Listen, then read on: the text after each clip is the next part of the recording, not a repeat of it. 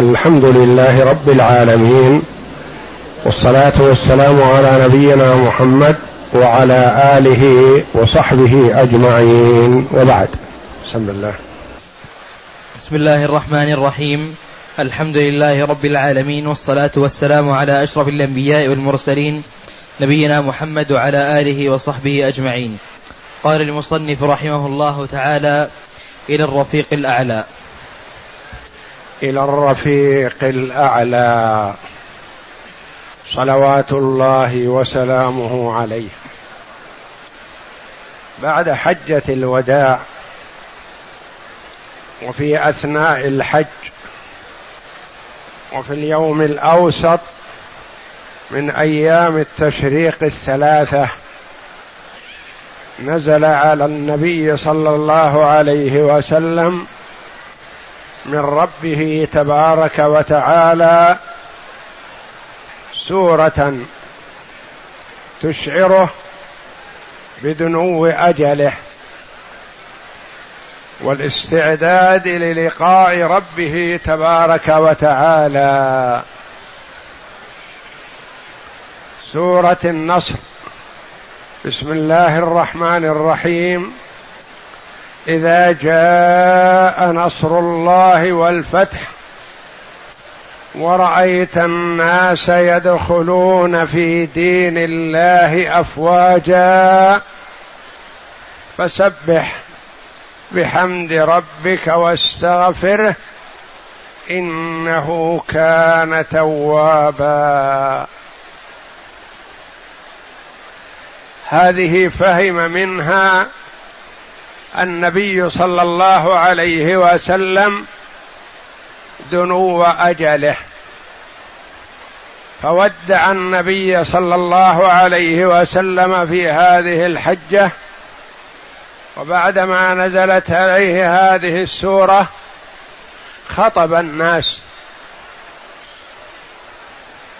وبين لهم كثيرا من أمور دينهم. وودعهم وقال لعلي لا ألقاكم بعد عامي هذا. وقد خيره ربه تبارك وتعالى بين البقاء بالدنيا وبين اللحوق إلى الرفيق الأعلى فاختار عليه الصلاة والسلام الرفيق الأعلى. بعدما أدى الرسالة ونصح الأمة وجاهد في الله حق جهاده بعدما أظهر الله دينه واستبشر صلى الله عليه وسلم بأن ملك أمته سيبلغ له سيبلغ ما زوي له صلى الله عليه وسلم من الأرض. وقد أخبر بأن الله جل وعلا زواله الأرض فرأى مشارقها ومغاربها. وحث أمته صلى الله عليه وسلم على الأخذ بكتاب الله.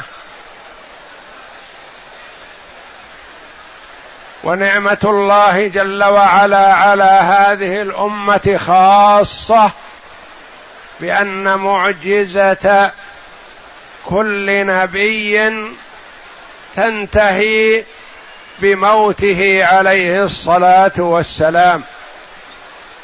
سوى مع معجزة نبينا محمد صلى الله عليه وسلم العظمى فهي باقية إلى أن يرث الله الأرض ومن عليها.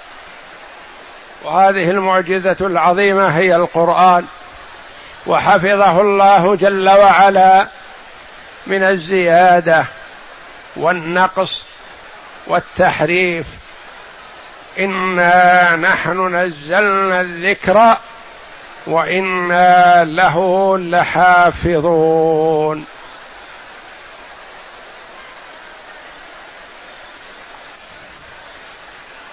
بعدما أنزل الله جل وعلا هذه السورة ودع صلى الله عليه وسلم الأمة. إذا جاء نصر الله والفتح وقد جاء. ورأيت الناس يدخلون في دين الله أفواجا. كان دخول الناس في أول الأمر أفراد. وبمدة طويلة.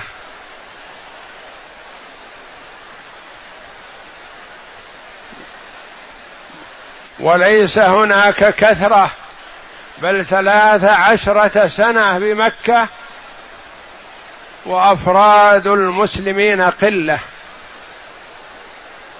وفي السنتين الأخيرتين بعد فتح مكة صار الناس يأتون إلى النبي صلى الله عليه وسلم ويبايعونه على الإسلام.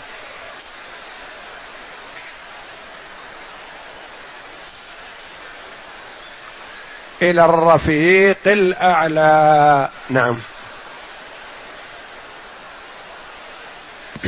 طلائع التوديع. طلائع التوديع. طلائع يعني أول شيء أول ما يطلع على الناس يظهر علامات توديع النبي صلى الله عليه وسلم لأمته. هذه الحجة وسميت حجة الوداع. هو صلى الله عليه وسلم ما حج بعد هجرته سوى هذه فهي الأولى والأخيرة. وسميت الوداع لأنه عليه الصلاة والسلام ودع الناس فيها. وقد شعر هو صلى الله عليه وسلم بدنو أجله وعرف ذلك بعدما خير. قيل له أترغب البقاء في الدنيا؟ أم تلحق إلى الرفيق الأعلى فاختار عليه الصلاة والسلام الرفيق الأعلى بعدما أتم الله الدين على يديه. وطلائع التوديع كثيرة العلامات. هو صلى الله عليه وسلم كان يعتكف في رمضان عشرة أيام. وفي هذه السنة الأخيرة اعتكف عشرين يوما اعتكف العشر الأوسط ثم اعتكف العشر الأخيرة. وكان جبريل عليه السلام يدارس النبي صلى الله عليه وسلم القرآن في كل رمضان مرة. وفي السنة العاشرة دارسه القرآن مرتين فاستشعر بدنو أجله. وقد أسر هذا لفاطمة رضي الله عنها وأرضاها. فلما أخبرها بذلك بكت. ثم قال لها أنت أول أهلي لحوقا بي. فضحكت. وعندهم عائشة لا تدري عن الأمر شيء. فألحت على فاطمة بأن تخبرها فقالت ما كنت لأس لأخبر بسر رسول الله صلى الله عليه وسلم. أبد. لأن ربما ينتشر وهو لا يريد ذلك صلى الله عليه وسلم. فلما توفي صلى الله عليه وسلم كان هذا السر على بال عائشة رضي الله عنها. فقالت الآن انتهى السر. أخبريني. فأخبرتها بأنه أخبرها بدنو أجله فبكت. فأخبرها بأنها أول أهله لحوقا به فضحكت. رضي الله عنها وأرضاها.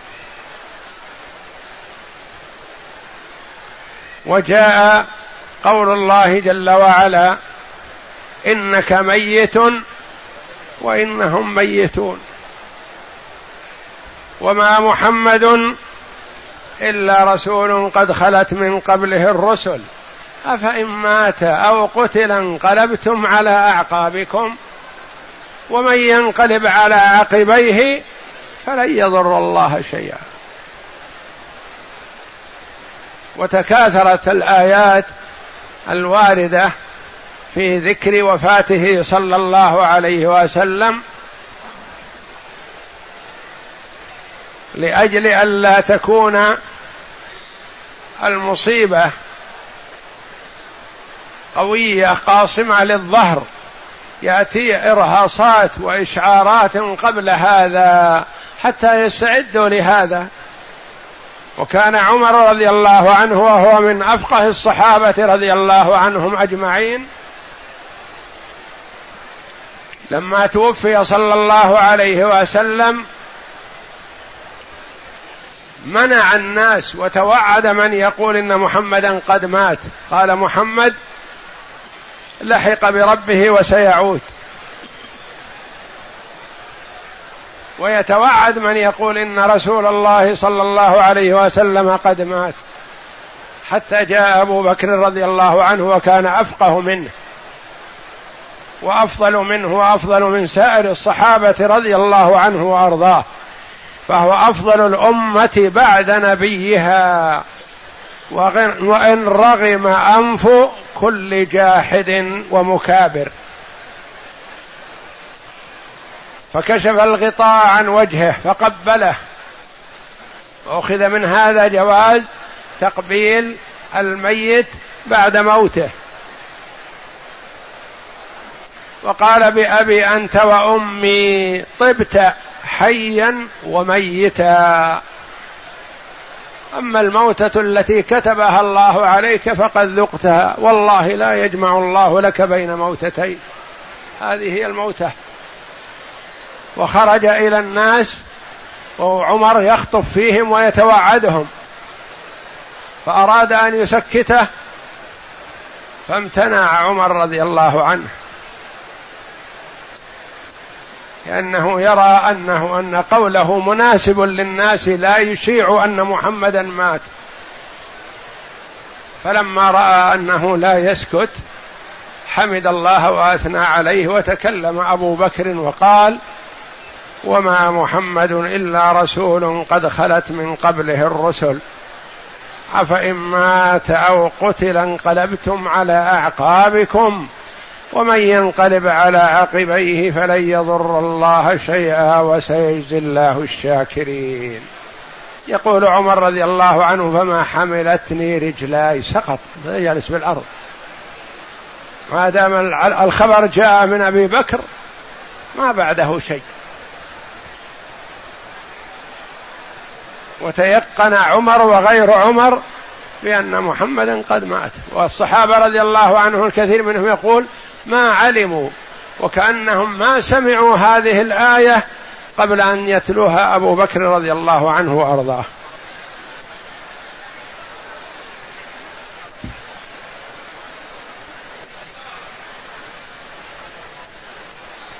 فطلائع التوديع يعني علامات قرب أجل النبي صلى الله عليه وسلم تتابعت. وهذه السوره سورة النصر. كثير من الصحابة رضي الله عنهم ما استشعر منها ما نزلت من أجله.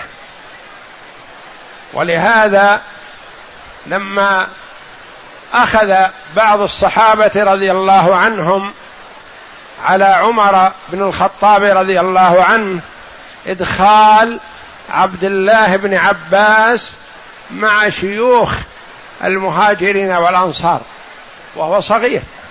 لأنه حينما توفي النبي صلى الله عليه وسلم وعمره ثلاث عشرة سنة. وخلافة أبي بكر رضي الله عنه سنتان وشيء يعني كان يدخله رضي الله عنه وهو في سن سبعة عشر سنة وهكذا. ويستشير مع كبار الصحابة وكأنهم وجدوا في أنفسهم قالوا لنا أولاد مثل هذا الغلام. مثل هذا الشاب. فلما يدخل أولادنا ولا هذا يخرج معهم. فدعا كبار المهاجرين والأنصار وأدخل ابن عباس معهم. أراد أن يقنعهم رضي الله عن الجميع ليقتنعوا من أنفسهم بدون أن يجادل أو يناقش في الموضوع. فلما اجتمعوا قال لهم رضي الله عنه الجميع ما تقولون في هذه السورة إذا جاء نصر الله والفتح؟ الآيات. قال بعضهم هذا إخبار من النبي صلى الله عليه وسلم بأن الله جل وعلا إذا فتح لنا مكة ونصرنا وتتابع الناس في دين الله أننا نستكثر من الاستغفار والتسبيح. فسبح بحمد ربك واستغفره إنه كان توابا. وابن عباس ساكت رضي الله عنه. ما يقول شيء مع الكبار حتى يقال له. وبعضهم لم يقل شيء. فقال أهكذا يا ابن عباس؟ يقول عمر قال لا. ما هو كذا. هذه لها معنى. قال ما تقول فيها؟ قال هذه نعي من الله جل وعلا لرسوله صلى الله عليه وسلم أجله. يعني ينعى له أجله يخبره بدنو أجله. أعطاه علامة إذا وجدت فما بقي إلا أن تلحق بالرفيق الأعلى. قد أديت ما عليك. فقال والله ما أعلم منها إلا ما تقول.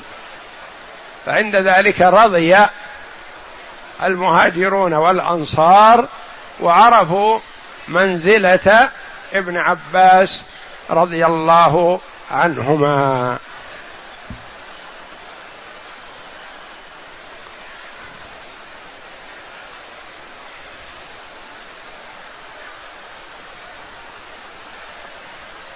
ولما قال صلى الله عليه وسلم للناس إن عبدا خيره الله بين ما عنده وبين البقاء في الدنيا فاختار ما عند الله. أعجب الصحابة رضي الله عنهم بهذا بأن عبد من عباد الله يختار ما عند الله هذا حسن. وبكى أبو بكر رضي الله عنه. فكأنهم انتقدوا عليه. قالوا انظروا إلى هذا الشيخ. يخبرنا النبي صلى الله عليه وسلم عن عبد من عباد الله خير فاختار ما عند الله. وهذا أبو بكر يبكي. ماذا يبكيه؟ يبكيه رضي الله عنه فقهه وفهمه لكلام الله جل وعلا وكلام رسوله صلى الله عليه وسلم. قال هذا محمد صلى الله عليه وسلم هذا نبينا صلى الله عليه يبكي لفقد النبي صلى الله عليه وسلم بأنه خير فاختار ما عند الله.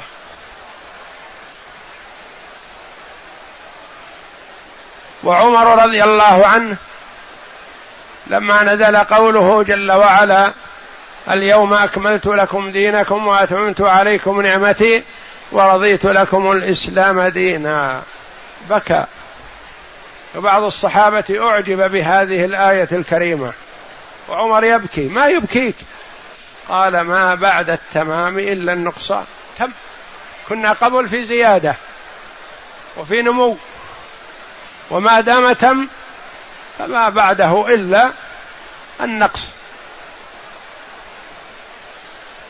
وكون الإنسان في زيادة خير من أن يكون في نقص. فكبار الصحابة رضي الله عنهم شعروا وعلموا بدنو أجل النبي صلى الله عليه وسلم. نعم.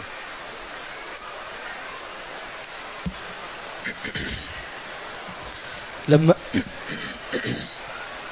لما تكاملت الدعوة وسيطر الإسلام على الموقف وأخذت طلائع التوحيد التوديع للحياة والأحياء تطلع من مشاعره صلى الله عليه وسلم وتتضح بعباراته وأفعاله. بعباراته يعني بقوله وبفعله صلى الله عليه وسلم مثل ذهابه إلى أهل البقيع. يودعهم صلى الله عليه وسلم ويهنيهم بما هم فيه. لأنهم في روضة من رياض الجنة. ويبين لهم أنهم ما هم فيه خير مما في أهل الدنيا. لأن أهل الدنيا أقبلت عليهم الفتن. وأولها وأعظمها موته صلى الله عليه وسلم. ارتد به عدد كثير من الناس. فهي فتن. والفتن تزيد بعض الناس إيمانا وتوقع بعض الناس في الفتنة والجهالة والضلالة والعياذ بالله. وكما قال الله جل وعلا إنما أموالكم وأولادكم فتنة امتحان وابتلاء. فمن الناس من ينال الدرجات العلى بالمال والولد. ينال الدرجات العلى بالمال والولد يفتتن فينجح. ومن الناس من يخسر الدنيا والآخرة بسبب المال والولد. إنما أموالكم إنما حصر. المال والولد فتنة. والفتنة ليست مصيبة لأن من الناس من يأخذ بهذه الفتنة مئة في المئة. درجة عالية مثل الامتحان في نهاية السنة. الامتحان ما هو مصيبة واحد ياخذ مئة في المئة وواحد ياخذ صفر والعياذ بالله. فكذلك المال والولد من الناس من ينال بهما الدرجات العلى. يكسب ماله من وجوه الحلال وينفق ماله في مرضاة الله. ويربي ولده على الفضيلة والاستقامة وطاعة الله جل وعلا وطاعة رسوله صلى الله عليه وسلم. فيكون الولد بهذا قرة عين له في الدنيا والآخرة. ما دام حيا ينفعه وإذا مات انتفع بعمله الصالح. فنجح بالمال والولد. ومن الناس والعياذ بالله من يكسب المال في وجوه من وجوه الحرام وينفقه في معاصي الله جل وعلا. ويترك ولده ويهمله ويضيعه فينشأ على الفسق والفجور والمعصية. فيعاقب على كسب المال من الحرام ويعاقب على إنفاق المال في الحرام ويعاقب على إهمال الولد وتركه في المعصية والضلالة. كلكم راع وكلكم مسؤول عن رعيته والرجل راع في أهل بيته ومسؤول عن رعيته. والله جل وعلا يقول يا أيها الذين آمنوا قوا أنفسكم فقط. لا. وأهليكم نارا وقودها الناس والحجارة. ومسؤول عن ماله من أين اكتسبه وفي منفقه ومسؤول عن ولده. هل قام بما يجب عليه نحو الولد من تربيته وتعليمه وأمر النبي صلى الله عليه وسلم للوالدين مروا أولادكم بالصلاة لسبع قليل منا جدا. اللي يأمر الولد بالصلاة للسبع يقول طفل هذا صغير. أنت أعلم أم النبي صلى الله عليه وسلم الذي لا ينطق عن الهوى؟ مروا أولادكم بالصلاة لسبع. يقول سبع سنين صغير طفل. يؤمر بالصلاة ويفرح ويسر يستشعر الرجولة وينمو ويشب على الصلاة. فإذا كبر صارت غريزة عنده وطبع. ودين ولا يفكر في تركها أو تضييعها لأنه نشأ معها منذ الصغر. وبعضنا يقول اتركه. سبع سنوات صغير عشر سنوات صغير. فإذا التفت له عند البلوغ أو بعد البلوغ وإذا هو قد عتى في الشر ما يقبل ولا يطيع. أباه ولا أمه. ويعاقب الوالدان بإهمال الولد لأنهم ما قاموا بحقه كما أمر النبي صلى الله عليه وسلم. النبي صلى الله عليه وسلم أوجب على الوالدين شيئا نحو الولد ولا يجب على الولد. الولد ما يجب عليه يصلي سبع سنين ثمان سنين عشر سنين ما يجب عليه لأنه ما بلغ. الوالدان مأموران يجب عليهما أن يأمراه. مروا أولادكم بالصلاة لسبع واضربوهم عليها لعشر وفرقوا بينهم في المضاجع.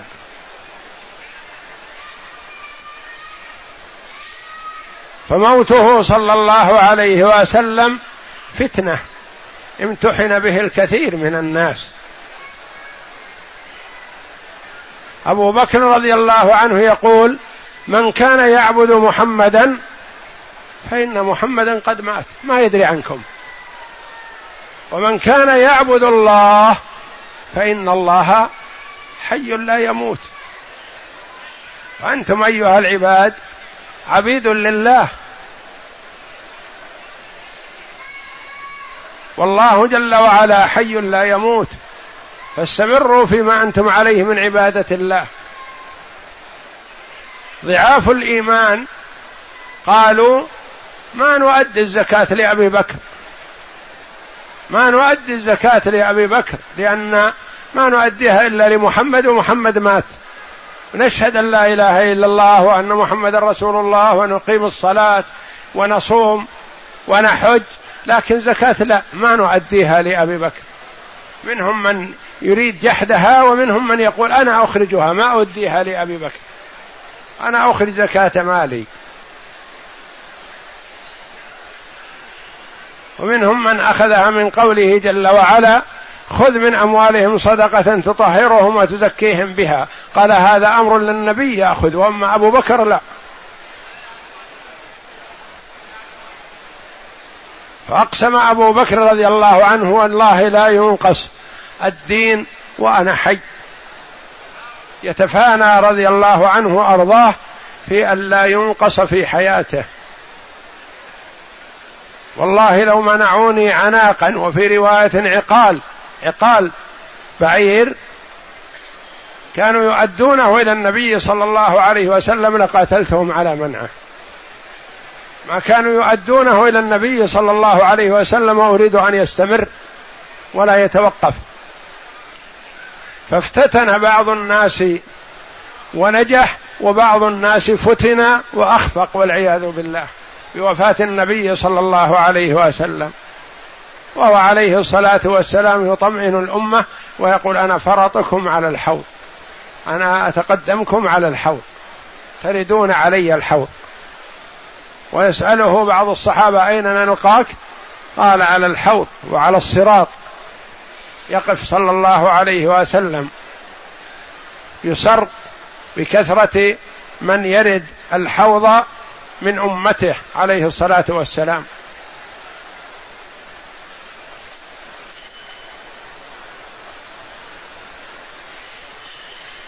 فكان عليه الصلاة والسلام يعطي الأمة كلمات وأفعال تشعرهم بدنو أجله صلى الله عليه وسلم حتى يأخذ الأمر شيئا فشيئا ولا يكون كقاصمة الظهر. نعم. إنه اعتكف في رمضان من السنة العاشرة عشرين يوما بينما العاشرة هي آخر سنة صامها رمضان عليه الصلاة والسلام السنة العاشرة وفي الحادية عشرة توفي في أولها في ربيع الأول. نعم. بينما كان لا يعتكف إلا عشرة أيام فحسب وتدارسه جبريل القرآن مرتين. في وق... رمضان كان يدارسه في كل شهر رمضان مرة. وفي السنة الأخيرة سنتين زيادة في ضبط القرآن وإتقانه. نعم. وقال في حجة الوداع إني لا أدري لعلي لا ألقاكم بعد عامي هذا بهذا الموقف أبدا. وقال وهو عند جمرة العقبة خذوا عني مناسككم فلعلي لا أحج بعد عامي هذا.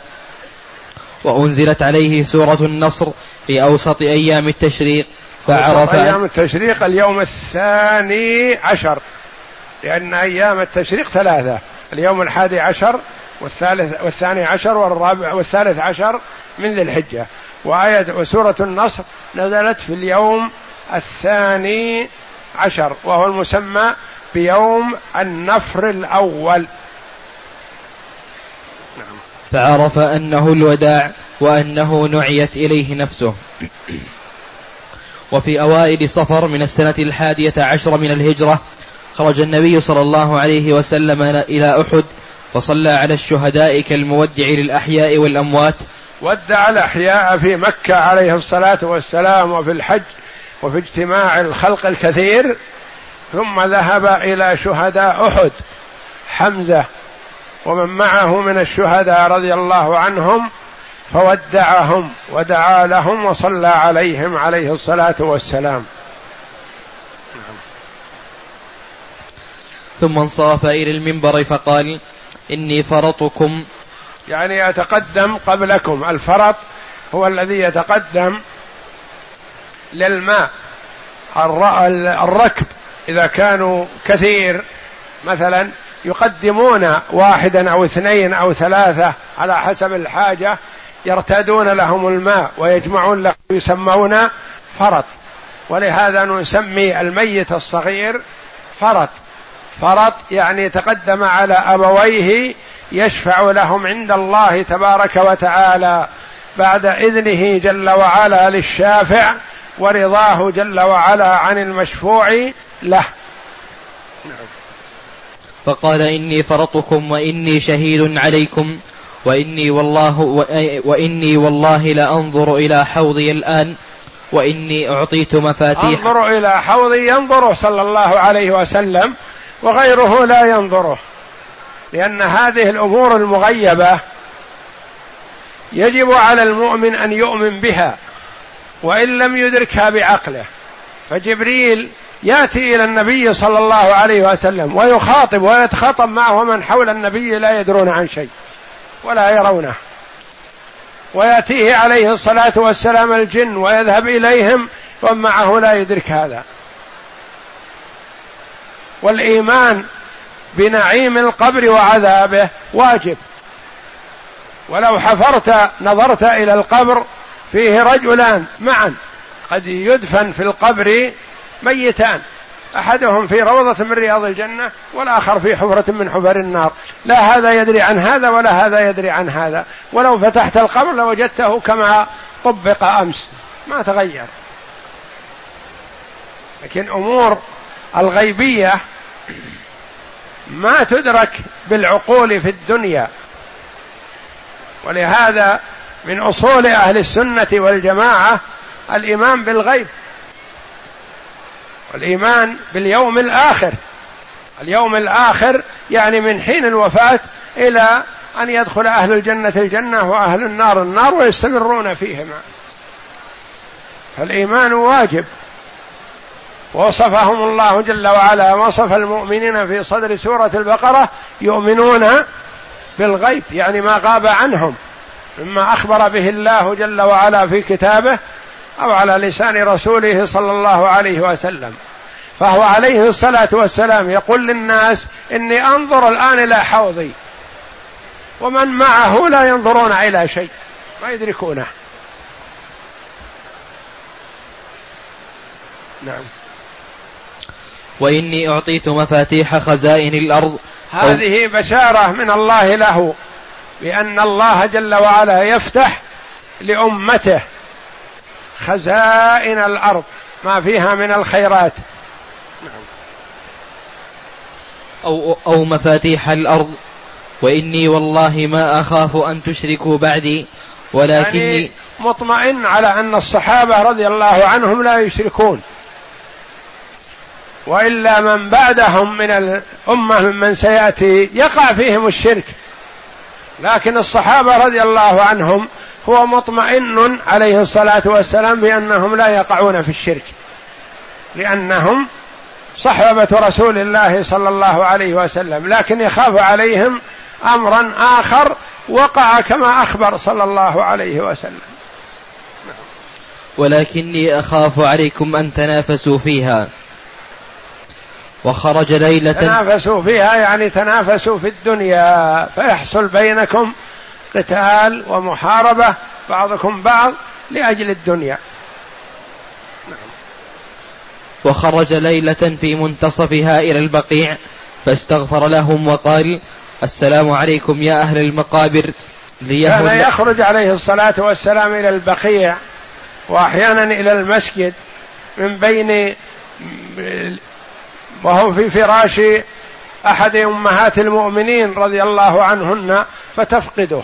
من ذلك عائشة رضي الله عنها كان معها فلما اطمأن أنها قد نامت خرج صلى الله عليه وسلم.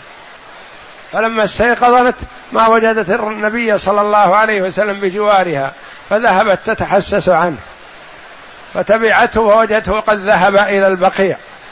فلحقت به. فلما انصرف متوجها أسرعت حتى لا يعلم عنها عليه الصلاة والسلام. فلما وصل وجدها فوضع يده على صدرها فإذا هي كالمفحمة. فقال ما لك؟ أتظنين أن يحيف الله عليك ورسوله؟ يعني هي كانت تذهب تبحث عنه تخاف أنه ذهب إلى إحدى أمهات المؤمنين. رضي الله عن الجميع. وذهبت مرة تبحث عنه فإذا هو ساجد في المسجد وإذا هو يدعو ويلح على ربه بالدعاء في سجوده عليه الصلاة والسلام. وهي تخاف أنه ذهب عنها إلى إحدى أمهات المؤمنين رضي الله عنهن. نعم. وخرج ليلة. وخرج ليلة في منتصفها إلى البقيع فاستغفر لهم وقال السلام عليكم يا أهل المقابر ليهن لكم ليهن لكم ما أص... ليهني, ليهني لكم. ليهني لكم ما أصبحتم يهنيهم صلى الله عليه وسلم بما هم فيه لأن الله أطلعه على أنهم في نعيم في روضة من رياض الجنة. قال يهنكم ما أنتم فيه يعني سلمتم من كثير من الفتن. أنتم في خير. ليهني لكم ما أصبحتم لما أصبح الناس فيه. أقبلت الفتن كقطع الليل المظلم. أقبلت يعني أوشكت أن تصل إلى الناس. فتن يفتن المرء في نفسه وفي ماله وفي ولده وفي بلده وفي أهله وفي من معه من المسلمين. فتن كقطع الليل المظلم. يتبع آخرها أولها الآخرة. يتبع يتبع. يتبع آخرها أولها. لا. يتبع آخرها أولها. يتبع آخرها أولها. الآخرة شر من الأولى. وبشرهم قائلا إنا بكم للاحقون. إنا بكم للاحقون. يلحقهم صلى الله عليه وسلم يعني في الوفاة. بداية المرض. نعم. وفي اليوم التاسع والعشرين من شهر صفر من السنة الحادية عشر من الهجرة وكان يوم الاثنين شهد رسول الله صلى الله عليه وسلم جنازة في البقيع. فلما رجع وهو في الطريق أخذه صداع في رأسه واتقدت الحرارة حتى إنهم كانوا يجدون سورتها فوق العصابة التي تعصب بها رأسه. عصب رأسه صلى الله عليه وسلم من شدة الحرارة والصداع الذي أحس فيه فكانوا إذا لمسوا العصابة وجدوا الحرارة قبل أن يمسوا رأسه عليه الصلاة والسلام لما يشعر به من شدة الحرارة والحمى عليه الصلاة والسلام. وعائشة رضي الله عنها تقول ما غبطت أحدا بسهولة الميتة بعدما رأيت ما حصل لرسول الله صلى الله عليه وسلم من شدة سكرات الموت عليه الصلاة والسلام وشدة المرض والحمى. كانوا يشعرون بشدة الحرارة من فوق الغطاء والقطيفة على عليه صلى الله عليه وسلم فتكون الحرارة من فوق القطيفه يشعرون بها من شدة حرارة جسمه عليه الصلاة والسلام. وقد صلى النبي صلى الله عليه وسلم بالناس وهو مريض إحدى عشر يوما وجميع أيام المرض كانت ثلاثة عشرة أو أربعة عشر يوما. يعني أنه عليه الصلاة والسلام من حرصه على الصلاة وتحريص الأمة عليها ما تخلف مع شدة المرض. كان مريض وكان يشهد الصلاة. وأحيانا ما يستطيع أن يبلغ الناس عليه الصلاة والسلام صوته ضعيف. فكان أبو بكر رضي الله عنه يصلي بجواره يبلغ الناس تكبيرات النبي صلى الله عليه وسلم وانتقاله. والنبي يصلي بالأمة والصحابة وهو شديد المرض عليه الصلاة والسلام. وكما يقول المؤلف وجميع أيام المرض ثلاثة عشر أو أربعة عشر يوما وأحد عشر منها كان يصلي بالناس عليه الصلاة والسلام. مع شدة المرض في أحد عشر يوما ما يتخلف حتى صار ما يستطيع أن يخرج عليه الصلاة والسلام. قال المؤلف رحمه الله تعالى بداية المرض. بداية مرض النبي صلى الله عليه وسلم. بدأ به المرض في أواخر شهر صفر سنة إحدى عشرة من الهجرة. عليه الصلاة والسلام عاد من البقيع. من جنازة أحد المسلمين وفي عودته من البقيع شعر بالمرض والصداع عليه الصلاة والسلام. وكان قد نزل عليه من القرآن ما يشعره صلى الله عليه وسلم بدنو أجله من ربه تبارك وتعالى. ولما كان في مرضه وقبيل أن تصعد روحه إلى الرفيق الأعلى خير خيره ربه جل وعلا بين أن يبقى في الدنيا وبين أن يلحق بالرفيق الأعلى. فاختار عليه الصلاة والسلام اللحوق بالرفيق الأعلى بعدما أتم الله على يده الدين والإسلام وأكمل به النعمة وتركنا صلى الله عليه وسلم على المحجة البيضاء ليلها كنهارها لا يزيغ عنها إلا هالك. وقال عليه الصلاة والسلام تركت فيكم ما إن تمسكتم به لن تضلوا. كتاب الله تعالى. ومن نعمة الله جل وعلا على هذه الأمة وبما فضلها به على سائر الأمم بأن معجزات الأنبياء السابقين تنتهي بنهاية النبي وبموت النبي صلى الله عليه وسلم تنتهي معجزته. أما معجزة نبينا محمد صلى الله عليه وسلم فهي كثيرة لكن أهمها وأعظمها وأوضحها وأجلاها هو كتاب الله جل وعلا الذي لا يأتيه الباطل من بين يديه ولا من خلفه تنزيل من حكيم حميد. تكفل الله جل وعلا بحفظه. ما وكل حفظه جل وعلا إلى ملك مقرب ولا إلى نبي مرسل وإنما تكفل بحفظه جل وعلا في قوله انا نحن نزلنا الذكر وأنا له لحافظون. والكتب السماوية قبل القرآن وكل الله جل وعلا حفظها إلى أهلها. بما استحفظوا من كتاب الله فضيعوها زادوا ونقصوا وحرفوا وبدلوا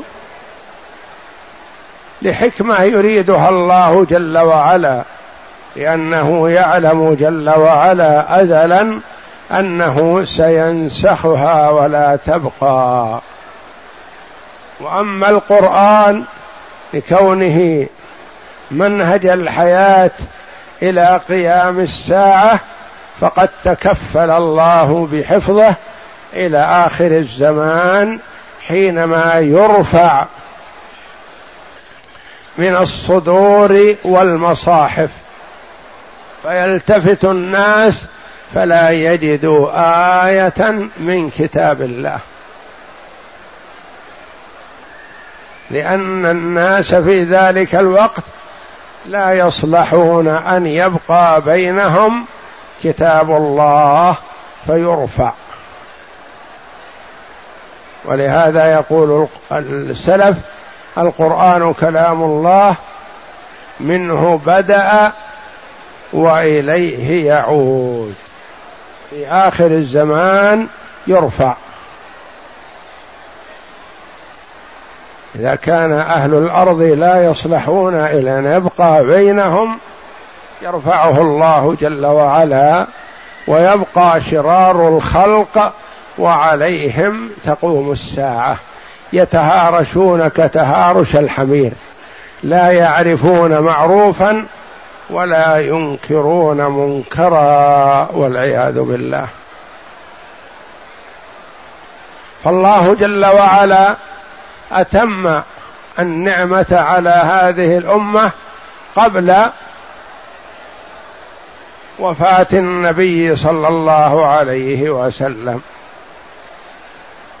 ولما نزل قوله جل وعلا في سورة المائدة وهي من آخر ما نزل اليوم أكملت لكم دينكم وأتممت عليكم نعمتي ورضيت لكم الإسلام دينا. بكى بعض الصحابة رضي الله عنهم ولم قالوا ما بعد التمام إلا النقصان.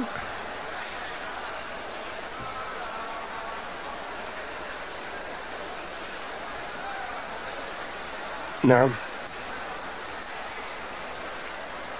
في وفي اليوم التاسع والعشرين من شهر صفر سنة أحد عشر من الهجرة وكان يوم الاثنين شهد رسول الله صلى الله عليه وسلم جنازة في البقيع فلما رجع وهو في الطريق أخذه صداع في رأسه واتقدت الحرارة حتى إنهم كانوا يجدون سورتها فوق العصابة التي تعصب, تعصب التي تعصب بها رأسه. يعني من حرارة جسمه عليه الصلاة والسلام كانوا يحسون بالحرارة من فوق العصابة. العصابة على الرأس وفوق العصابة. العصابة قد احتمت من حرارة جسمه صلى الله عليه وسلم.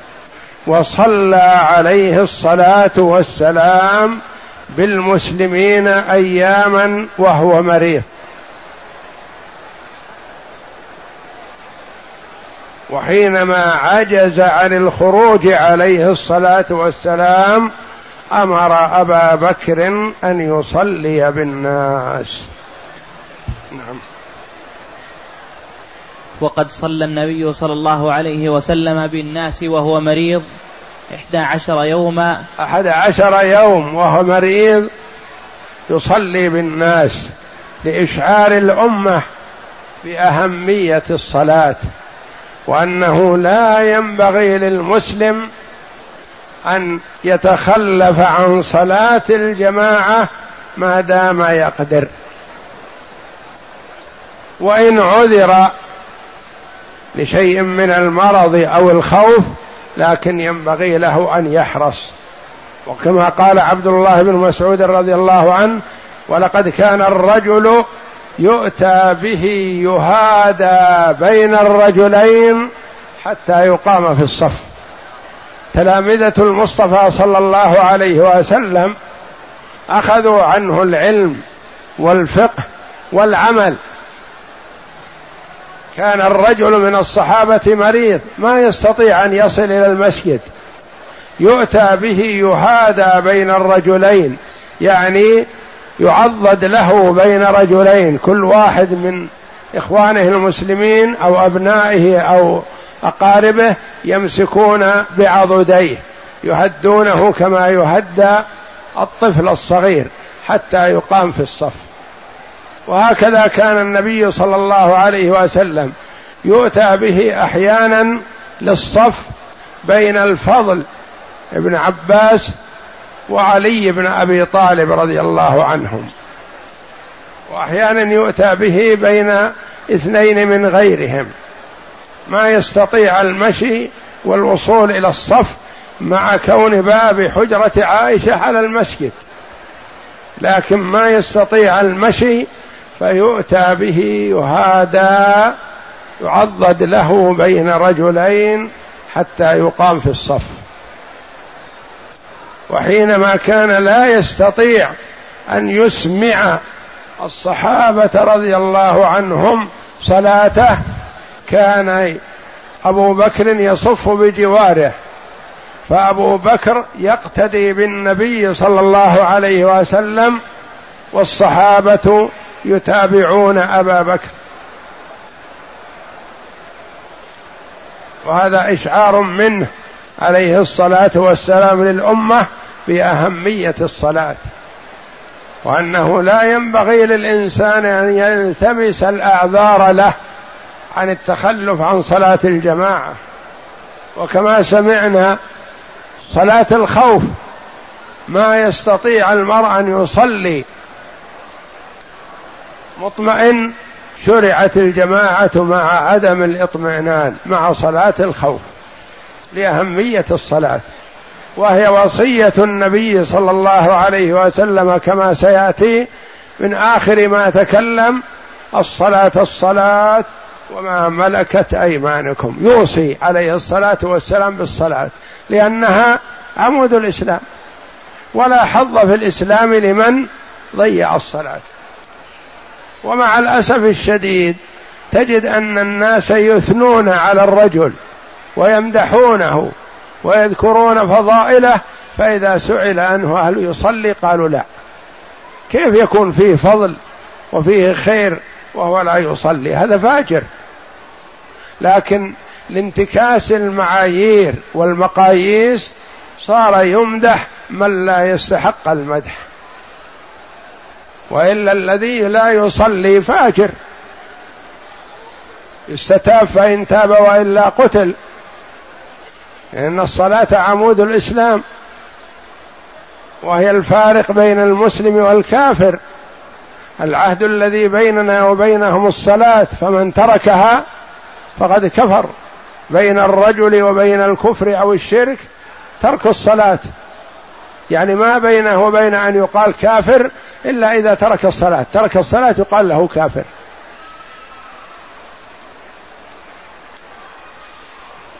نعم. وقد صلى النبي صلى الله عليه وسلم بالناس وهو مريض أحد عشر يوما وجميع أيام المرض كانت ثلاثة عشر أو أربعة عشر يوما نعم. الأسبوع الأخير وثقل برسول الله صلى الله عليه وسلم المرض فجعل يسأل أزواجه أين أنا غدا أو أين أنا غدا ففهمنا مراده فأذن له أن يكون حيث شاء. فانتقل. هو عليه الصلاة والسلام كان يقسم فيعدل لأنه كان يقسم بين تسع نسوة استقر في آخر حياته عنده تسع أمهات المؤمنين وهذه من خصائصه عليه الصلاة والسلام. لحكم عظيمة يريدها الله جل وعلا. فكان تسع. فكان عليه الصلاة والسلام مع شدة المرض ينتقل من واحدة إلى واحدة. ينقله علي والفضل. ما يستطيع أن يمشي عليه الصلاة والسلام. مع تقارب حجر أمهات المؤمنين. في الناحية الشرقية من جهة المسجد في الناحية الشرقية من المسجد النبوي.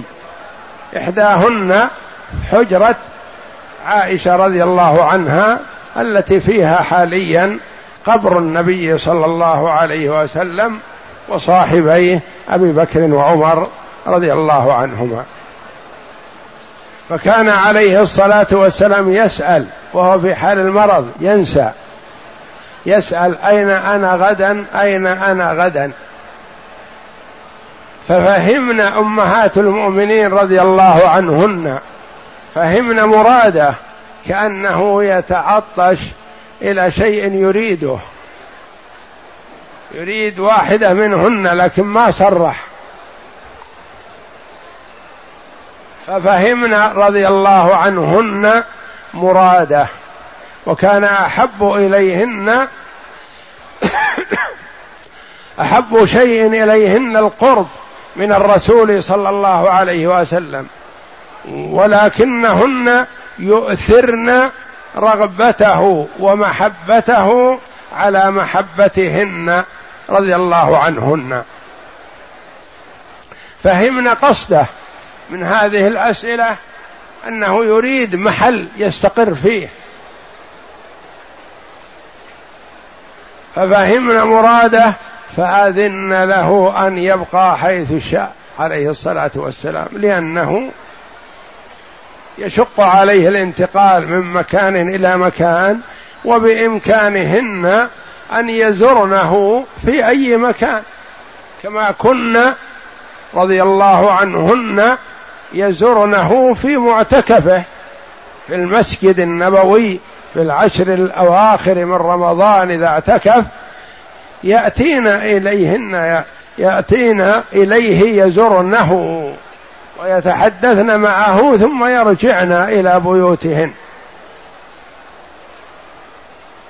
ففهمنا مراده فأبحن له أن يبقى حيث شاء الآن. يقول ما يحتاج أن تقسم وتتعب في القسمة. ابقى حيث شئت. أنت وما تريد كما سبقتهن إلى ذلك سودة رضي الله عنها سودة بنت زمعة رضي الله عنها أولى أمهات المؤمنين بعد خديجة رضي الله عن الجميع. آثرت محبة النبي صلى الله عليه وسلم على محبتها هي تحب أن يكون لها يوم وقسم عند النبي صلى الله عليه وسلم. لكنها آثرت محبته لما رأته يحب عائشة رضي الله عنها وهبت يومها وليلتها لعائشة. فكان يقسم لعائشة رضي الله عنها ليلتين ولكل واحدة من أمهات المؤمنين ليلة وسودة تنازلت. لأنها كبرت وأسنت فأحبت أن النبي صلى الله عليه وسلم يكون في مكان يرتاح له. وكان يحب عائشة رضي الله عنها ويحب أباها رضي الله عن الجميع. فتنازلت سودة رضي الله عنها عن ليلتها لعائشة. مع أن عائشة هي التي جاءت بعدها. والعادة بين النساء أن المرأة لا تحب التي تأتي إليها والتي تأتي إلى ضرتها فيما بعد ما تبالي. لكن الذي تأتي إليها مباشرة الغالب أنها لا تحبها. لكنها آثرت محبة النبي صلى الله عليه وسلم. أمهات المؤمنين رضي الله عنهن خيار النساء. ادركنا من أسئلة النبي صلى الله عليه وسلم أين أنا غدا؟ أنه يحب إذا كان في المكان الذي يرتاح له أن يستأذنهن في البقاء وعدم القسمة. فقلنا له من الآن تبقى حيث شئت. نعم. ففهمنا. ففهمنا مراده فأذن له أن يكون حيث شاء. فانتقل إلى عائشة يمشي بين الفضل بن عباس وعلي بن أبي طالب عاصبا رأسه تحت عاصبا رأسه تخط قدماه حتى حتى دخل بيتها فقضى عندها آخر أسبوع من حياته. قضى عندها لما أذن له أخذه الفضل وعلي رضي الله عنهم. هؤلاء بنو عميه. الفضل بن عباس والعباس عم النبي صلى الله عليه وسلم ورضي الله عنه. وعلي ابن أبي طالب الذي هو عم النبي صلى الله عليه وسلم. تخط قدماه يعني ما يمشي ما يستطيع المشي. من شدة المرض معه عليه الصلاة والسلام. نعم. وكانت عائشة تقرأ بالمعوذات والأدعية التي حفظتها من رسول الله صلى الله عليه وسلم فكانت تنفث على نفسه وتمسحه وتمسحه بيده رجاء البركة. كانت تأخذ يدي النبي صلى الله عليه وسلم وهو ما يستطيع فتقرأ فيها وتنفخ ثم تمسح جسم النبي صلى الله عليه وسلم بيديه عليه الصلاة والسلام. يعني تقديما للنبي صلى الله عليه وسلم على يديها. تنفخ في يدي النبي صلى الله عليه وسلم وعلى جسمه وتمسح بها جسمه عليه الصلاة والسلام. وكانت فقيهة وعالمة رضي الله عنها وتحفظ الشيء الكثير. فهي أصغر أمهات المؤمنين وتوفي صلى الله عليه وسلم وعمرها ثمان عشرة سنة لكنها تفقهت من النبي صلى الله عليه وسلم فإذا سمعت منه شيئا حفظته رضي الله عنها. قبل الوفاة بخمسة أيام ويوم الأربعاء قبل أيام قبل أيام من الوفاة اتقدت يوم الأربعاء والوفاة يوم الاثنين عليه الصلاة والسلام نعم. اتقدت حرارة العلة في بدنه فاشتد به الوجع وغمي فقال هريقوا علي سبع قرب من آبار شتى حتى أخرج إلى الناس فأعهد إليهم فأقعدوه في مخضب وصبوا عليه الماء حتى طفق يقول حسبكم حسبكم. يعني يكفي أكثر عليه الماء لأنه في شدة الحرارة الحمى وبعض أنواع الحمى تطفأ لأنها من النار تطفأ بالماء. وعند ذلك أحس بخفة فدخل بعد ما صبوا عليه القرب والماء وأكثروا عليه أحس بشيء من النشاط والخفة فخرج صلى الله عليه وسلم إلى المسجد. نعم. فدخل المسجد وهو معصوب الرأس حتى جلس على المنبر وخطب الناس والناس مجتمعون حوله فقال لعنة الله على اليهود والنصارى اتخذوا قبور أنبيائهم مساجد وفي رواية قاتل الله اليهود والنصارى اتخذوا قبور أنبيائهم مساجد وقال لا تتخذوا قبري وثنا يعبد. وعرض نفسه للقصاص. فهو عليه الصلاة والسلام أراد أن يحذر أمته أن تسلك مسلك اليهود والنصارى. فلعنه إياهم عليه الصلاة والسلام تحذير للأمة بأن تسلك مسلكهم. مع أنه أخبرهم أن بعض هذه الأمة سيسلك مسلك اليهود والنصارى في قوله صلى الله عليه وسلم لتتبعن سنن من قبلكم حذو القذة بالقذوة حتى لو دخلوا جحر ضب لدخلتموه وحتى لو كان فيهم من يأتي أمه علانية لوجد في أمتي أو كما قال صلى الله عليه وسلم. وفي آخر أيام حياته يلعن اليهود والنصارى لتحذر أمته ذلك. ومع الأسف الشديد وتحذيره صلى الله عليه وسلم في آخر حياته وفي مرضه من ذلك وقعت الأمة في كثير من هذه الأمور المنهية عنها. قل أن تجد مسجدا من المساجد الكبار في العالم إلا وفيه قبر. وهذا القبر يصرف له أنواع العبادة التي لا تصلح إلا لله مع الأسف الشديد. ونجى الله هذه البلاد وطهرها ببركة دعوة الإمام الشيخ محمد بن عبد الوهاب بعد اتفاقه مع الإمام محمد بن سعود رحمة الله عليهما. فطهر الله هذه البلاد من الأصنام والأشجار والأحجار المعبودة من دون الله وإلا كانت مثل غيرها. فيها من القبور ما يعبد من دون الله وفيها من الأشجار والأحجار والغيران وغيرها ما يتبرك به ويصرف له أنواع العبادة. وأمره وتحذيره صلى الله عليه وسلم واضح.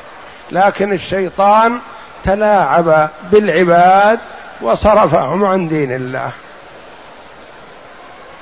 اتخذ كثير من الناس ما لعن النبي صلى الله عليه وسلم اليهود من أجله. فأطاعوا الشيطان وعصوا الله ورسوله. وهم يزعمون أنهم مسلمون وهم بعيدون كل البعد عن الإسلام. لأن من أشرك مع الله أحدا كائنا من كان كفر ولو صلى وصام وزعم أنه مسلم.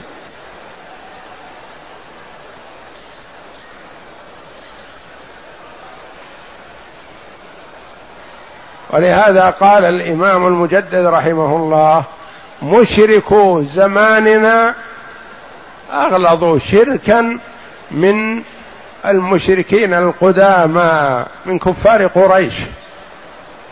لأن كفار قريش مشركون. لكن إذا ركبوا في الفلك كما قال الله جل وعلا فإذا ركبوا في الفلك دعوا الله مخلصين له الدين يخلصون. في الفلك في البحر لأنهم يخافون من الغرق ويعرفون أنه لا ينجيهم إلا الله.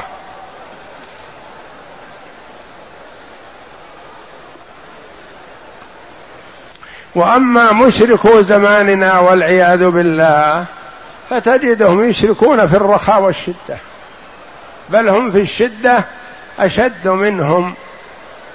منادات وصريخ إلى آلهتهم التي يعبدونها من دون الله. ماذا تغني عنهم هذه القبور والأضرحة ومن يزعم أنهم أولياء؟ فالميت لا يخلو. إن كان صالحا فهو في روضة من رياض الجنة. وأبغض ما يبغض من يعبده من دون الله أو مع الله. وإن كان فاجرا فاسقا والعياذ بالله فهو في حفرة من حفر النار. ما نفع نفسه حتى ينفع غيره. فليس هناك أي مبرر لعبادة أحد مع الله إلا طاعة الشيطان والعياذ بالله وتلاعبه بالعباد. ولا قبر وش ينفع؟ ميت. كم ما في القبر أحد. أو فيه رأس حمار أو كلب يعبد من دون الله.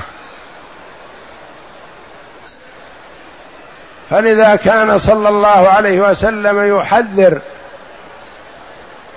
ويلعن اليهود والنصارى لتحذر أمته ذلك. فهو خرج مريض وعاصب الرأس ويقوم ويسقط ويقوم ويسقط عليه الصلاة والسلام ويغشى عليه ويمشي بين رجلين حتى وصل إلى المنبر. فصعد المنبر وخطب الناس ولعن اليهود والنصارى لأنهم اتخذوا قبور أنبيائهم مساجد. نعم.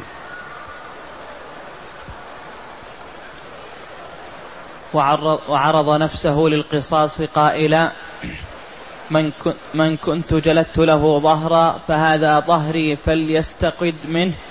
ومن كنت شتمت له عرضا فهذا عرضي فليستقد منه.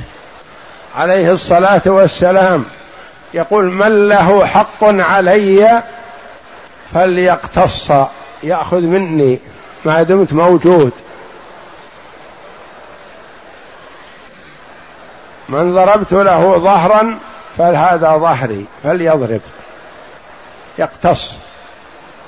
ثم نادى مرة أخرى من له علي حق فليطلبه. فقام أحد الصحابة فقال نعم يا رسول الله عندك لي ثلاثة دراهم. قال أعطه الفضل أعطه حقه.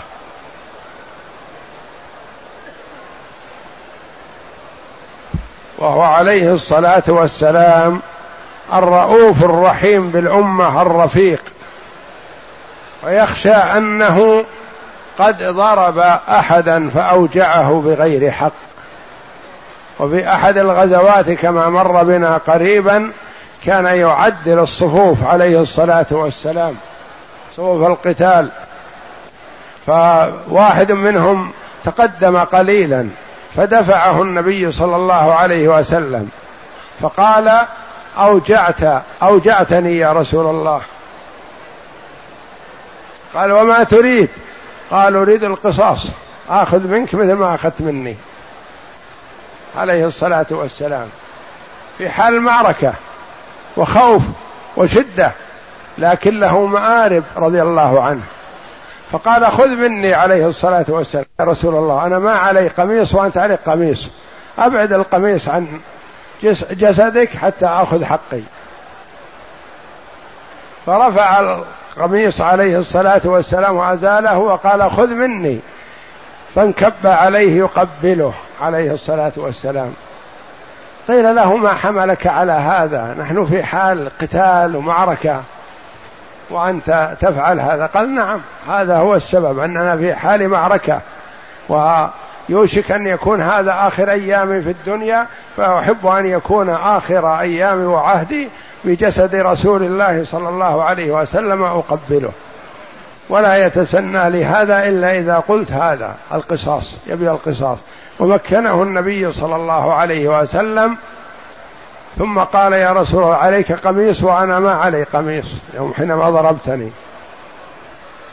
فرفع القميص عن جسده فانكب الصحابي رضي الله عنه يقبل جسد النبي صلى الله عليه وسلم. نعم. ثم نزل فصلى الظهر ثم رجع فجلس على المنبر وعاد لمقالته الأولى في الشحناء وغيرها. فقال رجل يحذر من الشحنة ومما يكون بين المسلمين من الخلاف والمشاكل يحذر من هذا عليه الصلاة والسلام. نعم. فقال رجل إن لي عندك ثلاثة دراهم فقال أعطه إيا الفضل. ثم أوصى بالأنصار قائلا أوصيكم بالأنصار فإنهم كرشي وعيبتي وقد قضوا يعني من أخص الناس إلي وفضلهم عظيم وأدوا ما عليهم. ناصروا النبي صلى الله عليه وسلم. وآووه وواسوه بأموالهم وبأنفسهم رضي الله عنهم وأرضاهم. فهو يوصي بمن له حق عليه الصلاة والسلام. نعم.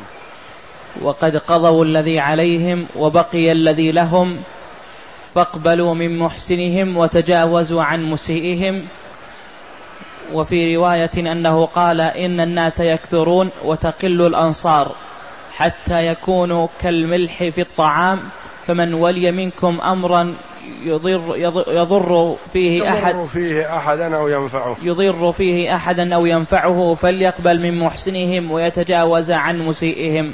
لأنهم بين رجلين محسن يقبل منه إحسانه ويشكر عليه ومسيء يتجاوز عنه ولا يؤاخذ لما قدموه للنبي صلى الله عليه وسلم فلهم حق بالإحسان إليهم ومواساتهم. نعم. ثم قال إن عبدا خيره الله أن يؤتيه من زهرة الدنيا ما شاء ويبين وبين, وبين ما عنده فاختار ما عنده. قال أبو سعيد الخدري فبكى أبو بكر قال فديناك بآبائنا وأمهاتنا.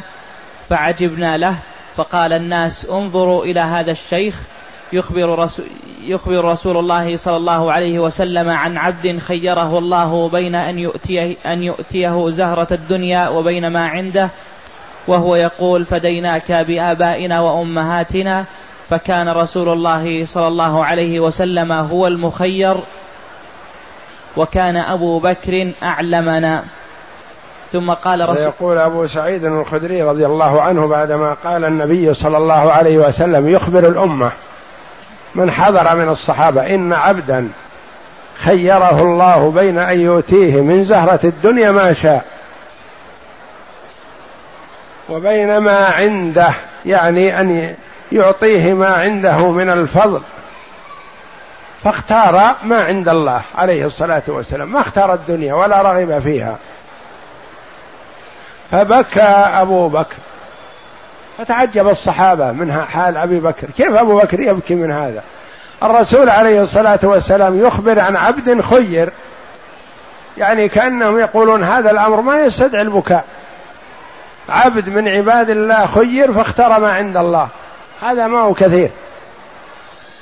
فلما يبكي هذا الشيخ اللي هو أبو بكر رضي الله عنه؟ يقول فبعد ذلك تبين لنا أن هذا العبد المخير هو النبي صلى الله عليه وسلم. فعرفنا أن أبا بكر رضي الله عنه أعلمنا. أدرك ما لم يدركه. نعم. ثم قال رسول الله صلى الله عليه وسلم إن آمن الناس علي في صحبته وماله أبو بكر ولو كنت متخذا خليلا غير ربي لاتخذت أبا بكر خليلا ولكن أخوة في الإسلام ومودة. لا يبقين في المسجد باب إلا سد إلا باب أبي بكر. فهو عليه الصلاة والسلام أحب أن يذكر لهم فضل أبي بكر. وما قدمه رضي الله عنه في صدر الإسلام فهو واسى النبي صلى الله عليه وسلم بنفسه وماله وأنيسه وجليسه وهو أول داع للإسلام بعد النبي صلى الله عليه وسلم. أسلم على يد أبي بكر عدد من خيار الصحابة رضي الله عنهم وجلهم من العشرة المبشرين بالجنة رضي الله عنهم لأن أبا بكر كان رجلا سمح وذو خلق حسن ويألفه الناس فيأتون إليه ويجلسون معه.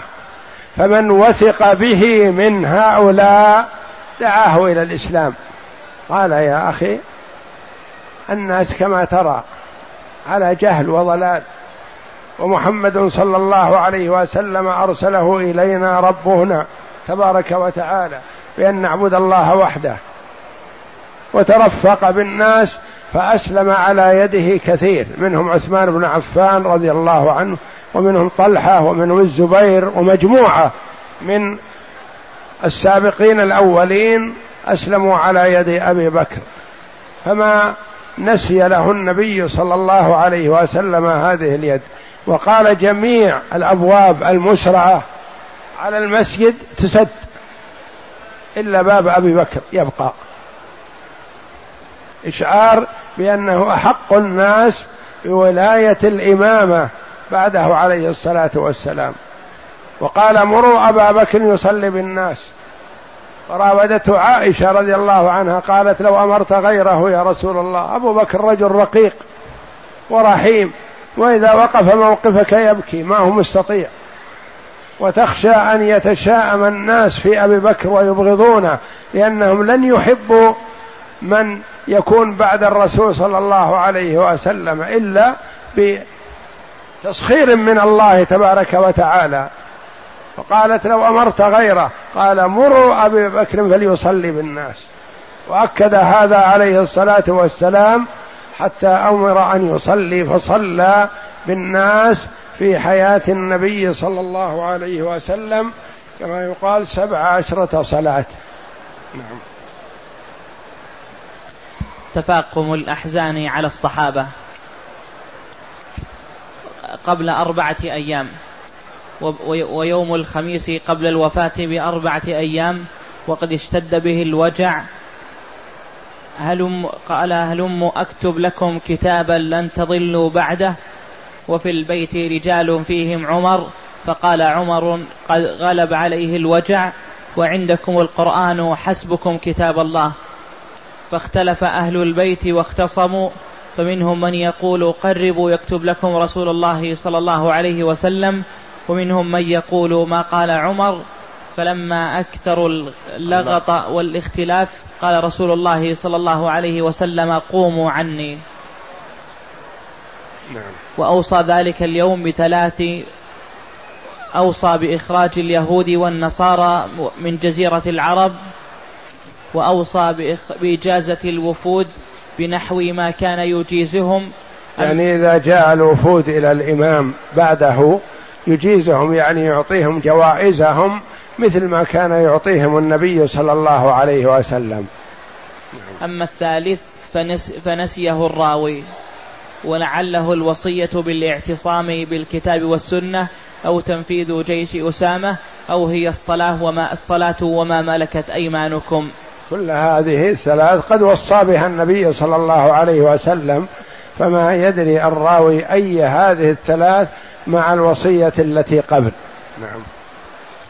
والنبي صلى الله عليه وسلم مع ما كان به من شدة المرض كان يصلي بالناس جميع صلواته حتى ذلك اليوم يوم الخميس قبل الوفاة بأربعة أيام وقد صلى بالناس ذلك اليوم صلاة المغرب فقرأ فيها بالمرسلات عرفا. مع شدة المرض قرأ بهذه السورة الطويلة عليه الصلاة والسلام.